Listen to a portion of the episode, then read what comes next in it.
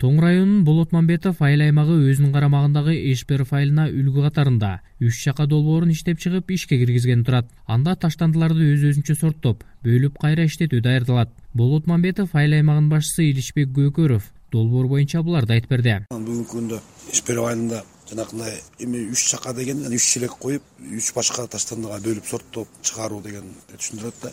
Бүгүнкү күндө азыр квартал башчылары менен сүйлөшүү сүйлөшүлүп аларга милдеттер коюлуп ушу жергиликтүү тургундар өздөрүнүн эсебинен үч чаканы орнотот. Э, айыл өкмөтү тарабынан белгиленген жанакындай жерлерге. Бизде жыйырма сегиз квартал бар. Ошондо сексенден ашык жанакындай бөчөктөр коюлат дагы. Апрелдин бешинен баштап долбоор өзүнүн ишин баштайт. Э, ошол долбоор аркылуу э, бир кабыл алуу пункту ачылат. Жанагы өтүп бараткандар же болбосо тапшыргысы келгендер тапшыргандай болуп атат. Үч чака долбоору кум төрүшканасынын аймактарды туруктуу өнүктүрүү комитети аркылуу каржыланып жатат. Ал эми ага техника алуу үчүн ысык көл өнүктүрүү фондунан каражат сурап жатышат. Ага чейин ал иштерди алып бара турган кызматкерлер жана алардын айлык маянасы жана башка чыгымдар эсептелип бир системага салынып анан иш алып барабыз дейт айыл аймак жетекчиси иличбек көкөров быйыл ысык көл өнүктүрүү фондунун планына киргизип эки бүтүн ондон сегиз миллион сомго манипулятор автомашина алган атабыз жанагы таштандыларды ташып чыгарып кетиш үчүн. Бул манипулятор автомашинаны алгандан кийин биз э, жети күндүк норма накопленияны аныкташ үчүн бир узун көчөбүздүн таштандысын күнүгө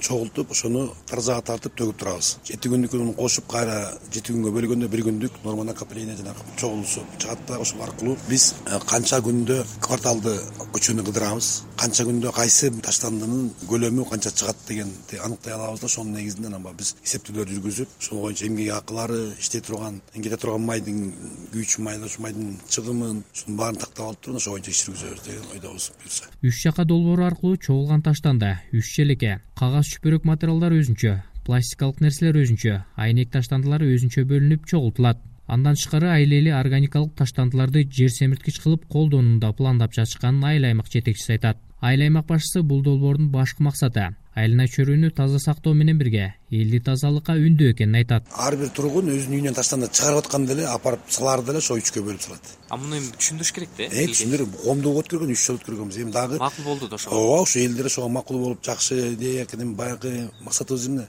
өзүбүздүн айлана чөйрөбүздү өзүбүз таза кармайлы деген максат жанакындай бөлсөк ошо жанакындай бөлүнгөндөн кийинки идиш мисалы үчүн салофан менен баклажканы деп атпайбызбы? Ошону биз кайра тазалап жууп кайра иштетебизби? Же пресстеп туруп өткөргөнүбүз кайсынысы туура болот. Бүгүнкү күндө үч чака долбоор аркылуу майдалагыч анан пресстөөчү аппарат келди тоң райондук жетекчилиги долбоор ишке ашса жалпы район эле эмес облустун баардык айыл аймактарына үлгү боло алат элек ысык көл облусунда мындай долбоор биринчи жолу болуп жатат. Ысык көл облустук биосфералык аймагынын жетекчи орун басары мирлан ыскаков таштандыларды кайра иштетүү ыкмасын үйрөнүп колго алсак ысык көл дубанын тазалыгын сактап тура алат элек дейт бирок кайра иштетүүнү ишке ашырууга ички адистердин өзүбүздө жоктугу да маселе туудуруп жатканын белгилейт. Мисалы өткөн жылы биз эме кылганбыз бул. Ысык көл районунда фонддун акчасы бизде республиканский фонд охраны природы бар да. Фонд охраны природанын акчасынан жанагы то деп коет технико экономическое обоснование жана строительство биз эме завод курганга то жасайлы дегенбиз жанагы мусоросортировочный перерабатывающий комплекс сыяктуу болупчу. Ошол боюнча өткөн жылы биз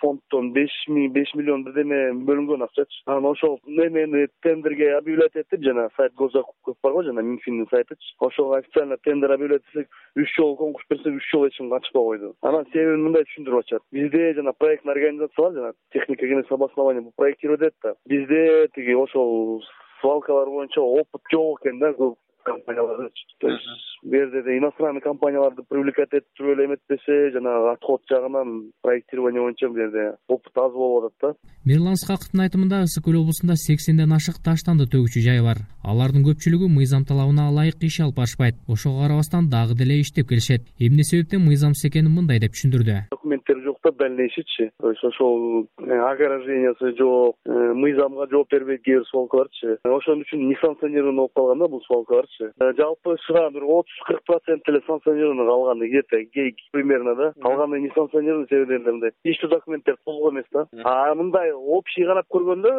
сельхоз жерлерде жайгашкандан кийин булар өзүлөрү эле незаконно болуп атпайбы трансформация кылынган эмес. Ысык көл облустук биосфералык аймагынын жетекчи орун басары мирлан ысқаковдун билдиришинче облус аймагында айына же болбосо жылына канча тонна таштанды чыгарылары белгисиз. Себеби ар бир таштанды жайга таразылар орнотулган эмес. Асейим мадамбеков азаттык ысык көл облусу